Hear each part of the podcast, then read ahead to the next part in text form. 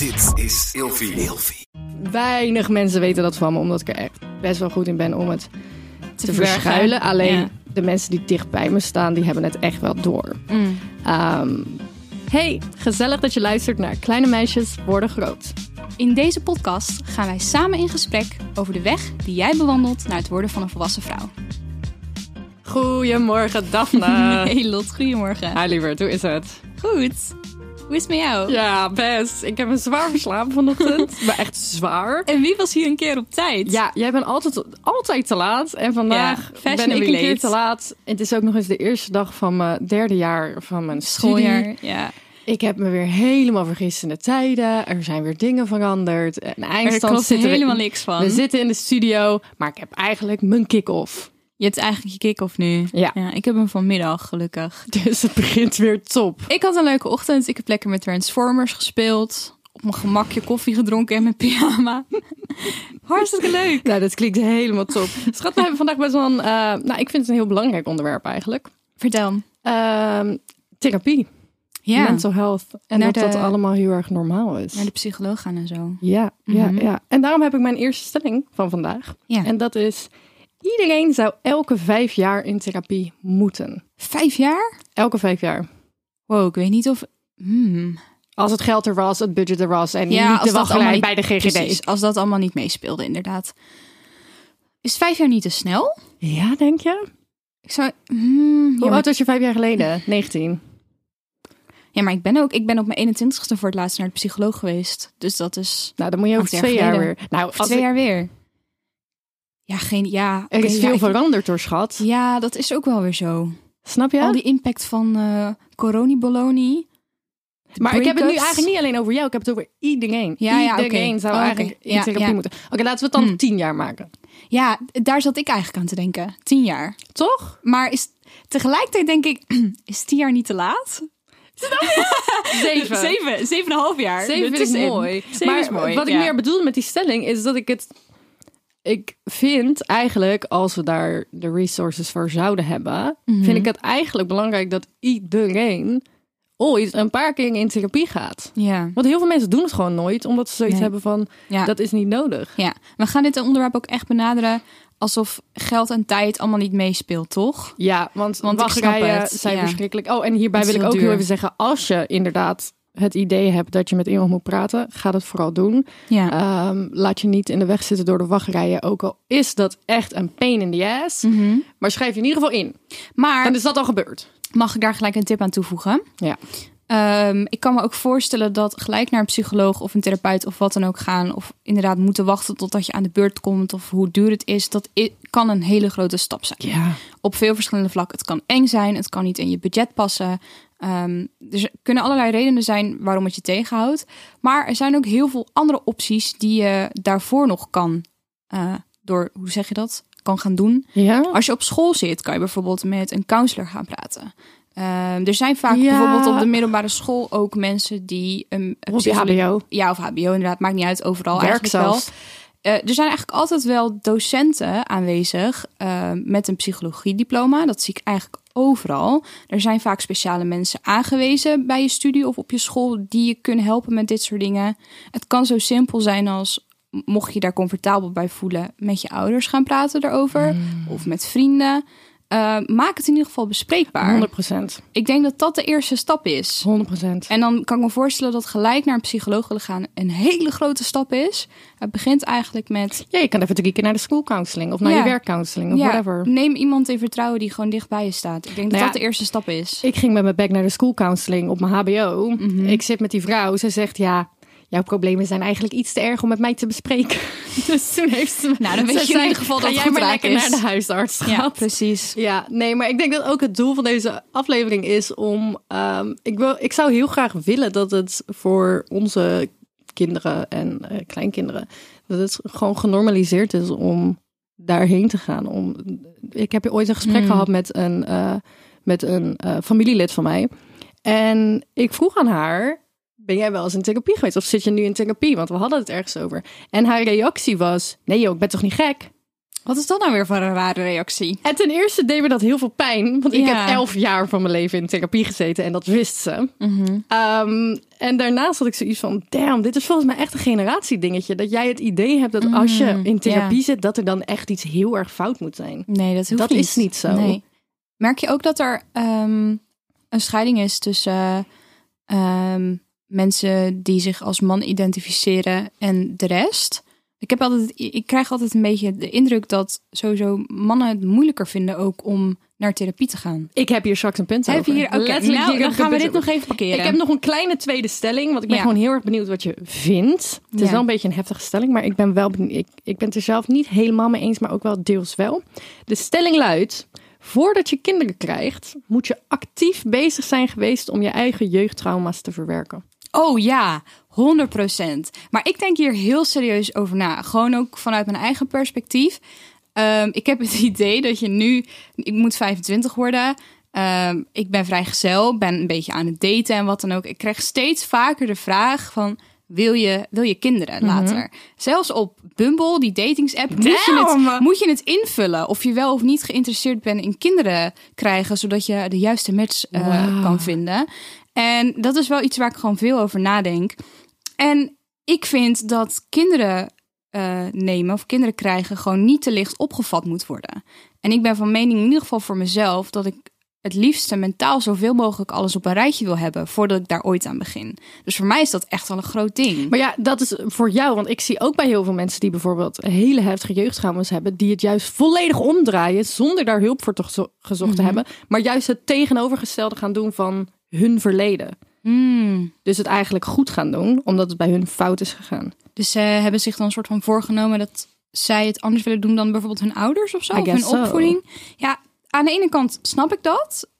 Maar ik weet niet of dat zeg Of maar werkt. je drive moet zijn inderdaad om kinderen te, te nemen. Maar ja, dan krijgen we We misschien kunnen weer een heel een hele, ander gesprek we inderdaad. kunnen een hele af- aflevering opnemen over Ja. kinderen. En tegelijkertijd, hoeveel kunnen we daar nou daadwerkelijk over zeggen? Want we hebben geen kinderen. Snap je? Maar goed, je Maar kunt. Ja, Dat. ja. Anyways, When you need mealtime inspiration, it's worth shopping Kroger, where you'll find over 30,000 mouthwatering choices that excite your inner foodie. And no matter what tasty choice you make, you'll enjoy our everyday low prices, plus extra ways to save, like digital coupons worth over $600 each week. You can also save up to $1 off per gallon at the pump with fuel points. More savings and more inspiring flavors make shopping Kroger worth it every time. Kroger, fresh for everyone. Fuel restrictions apply. Eh, heb jij ooit in therapie gezeten? Zeker. Ja, nou ja, mag ik even snel een vraag terugstellen? Ja. Wat is het verschil tussen in therapie gaan eh, en naar de psycholoog? Want daar zit toch een verschil tussen? Ehm, we zitten hier met eh, onze producer, die ehm, een vrouw heeft die psycholoog is. Ramon. Wat is het verschil? Eentje is toch met pillen en de ander niet? Eentje is met pillen. Wat was de vraag? Eh, het verschil tussen. Een psycholoog en een therapeut. Dus in therapie gaan of naar de psycholoog gaan, zit daar verschil. Ja, het is toch hetzelfde, We- maar weten we dat je zeker? hebt toch psycholoog en Psychiater. psychiater? Psychiater is met, eh, dat is, Pillen. dat is, dan ben je geneeskundige geloof ik. Juist, dus dan, dan, dan kan je Maar ik was, antidepressiva, altijd, dat soort dingen. ik was altijd in de ver- veronderstelling dat als je in therapie zit, dat dat heftiger is dan wanneer je praat met een psycholoog. Nee, maar maar een niet- bij psycholoog, Nienke- bij een psycholoog zit je toch in therapie? Ja, mensen gaan bedenken in therapie en zij is psycholoog. Ja. Oké, nou, dan oké, weten we oké, dat. dan weten we dat. Nou. In mijn hoofd was er altijd een verschil namelijk. Maar goed, dan... Dat is het dus niet. Het is het is niet. Maar dan om op je vraag terug te komen. Ja, ik heb the- dat klinkt heel. Ik heb het zo nooit benaderd, dus dat klinkt ineens heel gek. Maar ja, gezeten. ik heb in therapie gezeten twee keer. Op mijn eh, veertiende een Mm. jaar bij de, s- bij de, nou niet de schooltherapeut, maar wel eh, een psycholoog speciaal voor kinderen. Ja. Ehm, en vrij, dat was niet vrijwillig, dat moest van de huisarts en mijn ouders. Oeh. Ja, ehm, en wel vrijwillig op mijn 21ste. Omdat ik Ah. tegen superveel, eh ja, toch wel onverwerkt trauma eigenlijk aanliep. Ehm, en toen ben ik vrijwillig naar de psycholoog gegaan. En dat was niet heel, het was geen positieve ervaring. En het lag eigenlijk niet bij het feit dat ik in therapie ging, maar meer omdat waar ik in therapie ging, ze hun zaakjes niet helemaal op orde hadden. Oh. Ehm, ja, mijn therapeut werd op een gegeven moment zelf ziek of er was iets mee. Toen duurde het drie maanden voordat ik een nieuw iemand kreeg. Terwijl ik Oh. echt heel veel. Ik had op dat moment echt dringend hulp Je nodig. zat er diep in. Ik zat er diep in, dus dat was heel erg rommelig van hun. Oei. En ook niet goed opgelost. En uiteindelijk kon ik het ook niet afmaken, omdat ik En dat is echt lullig om te zeggen, maar ik ging fulltime stage lopen. En zij hadden geen weekend- of avonduren, dus ik kon simpelweg niet meer fysiek langskomen. Oh, damn. Ja. Ja, en dan kan je weer naar een volgende wegenwachtrij. Ik ben toen gewoon gestopt eigenlijk. Ja, maar dat is, Ja. dat is een van de... Als ik terugkijk op mijn hele eh, achtergrond met therapie... wat best wel een rijtje is... Mhm. dan eh, hetgene wat ik altijd zeg tegen mensen is... het heeft helemaal geen zin om in therapie te gaan... als je niet ergens zit waar je een link hebt met je, je psycholoog. Oh, 100% Ik heb Ja. bij zoveel mensen gezeten. Ja. En al helemaal als tiener. Want dan, dan ben je een soort van stubborn. En dan Mm. weer, "Mm, ik heb geen zin in. Het heeft helemaal geen zin. Het heeft Ja. helemaal geen zin als je niet bij iemand zit die je, die je chill vindt of tof vindt. Maar hoe was dat voor jou dan? Want jij zei net al 11 jaar. Dat is gewoon bijna de helft van je leven. Ja, ik, het was niet elf jaar achter elkaar elke week. Nee. Maar het was, ik denk wel dat ik bij vier of vijf verschillende eh therapeuten heb gezeten. En nou, het begon volgens mij op mijn negende zelfs. En ehm, ja, dat was dan wel vaak gewoon anderhalf jaar of zo. Dus het is af en aan wel echt vaak. Eh, en dat was dan voor verschillende dingen. En ja, ik kan het wel, ik kan het wel echt aanraden aan mensen, want ik weet hetgene wat ik er heel erg aan heb gehad. Ik zou niet, als ik het nu zou doen, dan zou ik echt iemand kiezen waar ik heel erg mee vibe en waar ik ook eerlijk tegen kan zijn. En eh, dan, dan zou ik het nog wel een keer aangaan. Ja. Maar hetgene wat ik er echt uit heb gehaald, is dat ik het heel fijn vond om op een gegeven moment eh, diagnoses te krijgen. ah ja. Dus, en heel vaak zeggen mensen dan, oh, waarom zou je dat willen? Want nu heb je voor altijd dat label. Maar voor mij was het heel erg, ik ben niet gewoon, ik ben niet achterlijk. Er is iets met mij. Ja. Dus dat vond ik heel fijn om te kunnen zeggen van, Ja. ja. jullie kunnen wel zeggen dat ik gewoon een beetje gestoord ben. Maar dat, De er is iets zijn met hier mij. zo ontzettend over verdeeld, hè? Echt Wat dan? niet normaal. Ik hoor ook zo vaak mensen eh, kritiek geven op labels. Mhm. En ik ben het eigenlijk helemaal met jou eens. Ik vond het ook heel fijn om toch iets van een bevestiging te Ja. krijgen, inderdaad. Ik had daar heel veel aan. ja, Ja. Wat waren, wil je daar wat over vertellen? Wat je aan, eh, labels. ja, je aan labels hebt Well, first of gekregen? all, I'm queer. nee, ik heb eh, eh, angststoornis. Dat was eerst eh separatieangststoornis als kind. En dat is toen een soort generale angststoornis die ik nog steeds heb. Ik heb heel soms nog last van paniekaanvallen, maar dat gebeurt eigenlijk bijna nooit meer. Ik zie meer als een soort angstaanvallen, dus ik kan het best wel rustig houden. Ehm, ik heb tijdenlang een soort van depressieve gevoelens gehad, maar dat is nooit echt gediagnoseerd, gediagnosticeerd, bedepedeerd, bedepedeerd, ik weet Mm, heet, whatever. Eh, en ik heb OCD.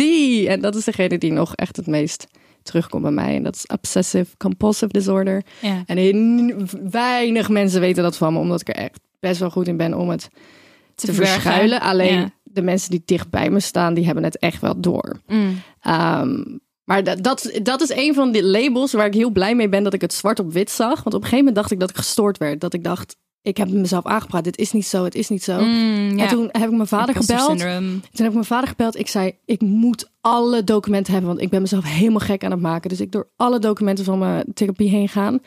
En toen stond er OCD.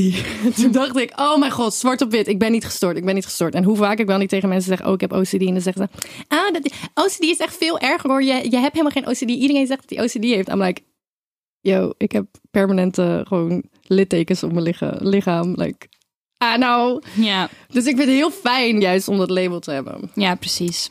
Ja, Helder. wat zijn jouw eh, dingen? Eh, ik, En daarom gaan we door naar statistieken. Ja, maar ga door. Is goed. Nou, even snel dan. Ehm, de laatste keer dat ik bij de psycholoog liep, ehm, werd ik, ge- oh moeilijk woord, gediagnosticeerd. Ja, ik zat gediagnosticeerd. Kreeg ik het label. nee, dat is echt lelijk om het zo te Ja, zeggen. nou ja. Eh, eh, kreeg ik te horen dat ik eh, last heb van periodieke depressie. En dat was iets waarvan ik ook al dacht van ja, ik ben geen. Ik lig niet wekenlang met de gordijnen dicht op bed. Maar ik heb wel al heel mijn leven lang momenten. Waarbij ik dat heel erg heb. En mensen schoven dat altijd af op bijvoorbeeld ongesteld zijn of wat dan ook. Daar wordt het dan Of vaak- lui. Of lui of wat dan ook. Het wordt altijd op andere dingen afgeschoven. En op een gegeven moment dacht ik, nee, volgens mij klopt er gewoon iets niet. Zo, Ja, wat was dat voor geluid? Je had een kikkertje in je keel. Ja. Heel lief. Ehm, en ik heb ook een vorm van OCD. ja, dat is echt lachen om die kikker in mijn keel. Sorry. gegeven. Oh, jij hebt het over OCD. I'm like, haha. We hebben het gewoon over Kikkertjes. in therapie gaan. En ondertussen zitten wij hier gewoon te lachen. Maar goed, maakt niet Maar uit. dat- het Dat zo genormaliseerd moet Zo het dus kunnen zijn. We, we kunnen gewoon normaal en luchtig erover praten. OCD. Ja, Tell bij mij more. is het een eh excoriatiestoornis. Heel fancy woord vind ik dat zelf. Maar dat, is, dat valt ook onder OCD inderdaad. Het heeft veel takken, hè? Het heeft Niet ontzettend normaal. veel takken. Bij mij is het dus een excoriatiestoornis. En eh, dat is ongeveer begonnen rond mijn puberteit. Of dat is in ieder geval de vroegste herinnering die ik ervan heb. En dat houdt in dat ik verslaafd ben aan, ehm, aan mijn huid zitten. Ehm, eh, waardoor ik dus effectief bij mezelf wondjes creëer en littekens. Maar het heeft dus niets te maken met zelfbeschadiging. Het, heeft, het is niet gekoppeld aan mezelf slecht voelen of mijn mental health. Eh, maar het is, ja, ik vergelijk het soms wel eens met mensen die roken. Ik kijk jou eventjes aan. Ehm, je weet dat het niet goed voor je is, maar het geeft wel een soort van tijdelijke, high. sne- snelle high, inderdaad. En dan 9 van de 10 keer denk je daarna, waar ben ik in godsnaam mee bezig? Want het is eigenlijk helemaal niet goed voor me. OCD. Maar dat is inderdaad, ja, het, e- de enige manier waar je er in principe eh, mee vanaf zou kunnen komen, is heel veel wilskracht. Maar ja, Ja, hè, het is wat het is. ja. Eh, ik heb toen ook geleerd bij de psycholoog dat het beste wat ik kon doen was dat het gewoon accepteren dat het er is. Dat Nou, ik dat accepteer het hoor. zit. Zo, ik ben elke dag wel echt aan het vechten. Ja, maar, En maar ik, denk heb ook dat wel het, echt heel hard gewerkt om te komen waar ik nu ben. Zo. Ja. Ik moet zeggen, die camera's hier in de studio, die helpen wel. Dat is zo'n gekke, gek bruggetje, maar die helpen heel erg met mijn vorm van OCD. Zodat je niet aan je gezicht zit. Want ik word constant geconfronteerd met mezelf op beeld zien, met die TikToks en zo die, die wij maken. En dat is voor mij een stok achter de deur, dat ik niet aan mijn huid zit, inderdaad. Nou, meid, hè, wat die podcast ons allemaal van die kan brengen. Niet normaal. Luister, ja. ik heb een paar ehm, statistieken opgezocht. Ik denk, ja, we gaan toch nog wel even feiten gooien in de podcast. Al deze, ze zijn van Vox, gezondhedenzorg.info. Ja, Wat een mond ik zat, ik zat naar die, die, die dingen te kijken van de GGD en van, van weet ik veel wat. Het was allemaal onzin. Ik denk, nou, we gaan het hier lekker op doen. Ja. Het is gemeten per duizend huisartspatiënten in 2015. Dus het is wel een tijdje terug. Dat is wel een tijdje terug. Dat is wel een tijdje terug. Maakt niet uit. Het blijkt dus dat psychische klachten toenemen op leeftijd. En dat was, ik vond dat echt zoiets van, oh, ik hoopte dat het beter zou worden. maar dat is dus niet zo. Eh, met uitzondering op de leeftijd eh 65 en 74. En daar daalt het juist. Maar dan ga je toch op pensioen. Ik dat weet niet vind of ik wel dat weer er wat mee te maken heeft, inderdaad. Hoe ouder je wordt, hoe depressiever Nee, als ik je denk 65 gewoon, bent. je, je, je leeft je leven en je maakt steeds meer dingen mee. En ik kan me ook voorstellen dat alles wat er bijvoorbeeld in je jeugd is gebeurd, dat je op een gegeven moment gewoon, dat je, dat je brein op een vol- volwassen punt komt, dat je dat gaat verwerken. En dat je daar dan zeg maar meer last van gaat hebben True, naarmate je ouder wordt. true. Ja, ik heb ook heel vaak inderdaad realisaties waarbij ik denk, ja joh, Ja, nou daarom. Ik denk dat dat wel meespeelt. unlocked a new trauma. Woehoe, weet je wel? Oké, vanaf de leeftijd 15 neemt het aantal jongeren met één of meer psychische klachten fors toe. Van 14 per, huis, eh, per duizend huisartspatiënten naar 31. Dus op duizend huisartspatiënten vanaf de leeftijd 15 met een psychisch probleem gaat het van 14 naar 31. Dus als je tiener wordt, dan is het opeens... Oei, Heftig. Maar dat is, ja... Ja, als ik naar mijn leven terugkeek, na vijf- 15 werd ik ook op een gegeven moment helemaal... Joe. Ja, ik weet niet of daar verder ook nog een gek eh, bruggetje aan vast zit. Ik weet het niet. Ik weet het ook niet. Tweemaal zoveel vrouwen als mannen hebben psychische klachten. Zoals het is... eh, Wat, kijk, ze doen het gewoon op wat er is aangegeven bij huisartspatiënten. Ja. Maar. Ehm, want per duizend personen Mhm. is er, zijn er gemiddeld 40 vrouwen, waarvan we het weten, met één of meer psychische klachten. En 23 mannen per duizend. maar dit is. Ja, ik weet wel toen, precies waar je naartoe gaat. Ik dacht meteen, Ja. dit is bullshit. Ja, want, Want ik weet al zo goed wat je gaat zeggen. In 2020 pleegden 1200 mannen zelfmoord tegenover 600 vrouwen. Ja. Oké. Patriarchy. dit- Hey, ja, De maatschappij. Dit heeft te maken met eh, mannen die waarschijnlijk minder makkelijk over hun gevoelens kunnen praten. Ja. Of waarbij het inderdaad is opgelegd om niet over je gevoel te praten. Het is maatschappij, 100%. Feminisme gaat niet alleen om vrouwen. Nee. Het gaat ook om die 1200 mannen die zichzelf doodmaken omdat ze niet naar de psychiater durven te gaan, omdat het niet mannelijk genoeg is. Ja, exact. En hiermee wil ik de aflevering afsluiten. Dit was wel een statement. Dit was wel een heftige statement Jongens, inderdaad. vonden jullie het een leuke aflevering? Dan is dat leuk. ik wou even als YouTuber eindigen. Dat was raar. Doe een duimpje Hey jongens, tot volgende week. Bedankt voor het luisteren. doei. doei.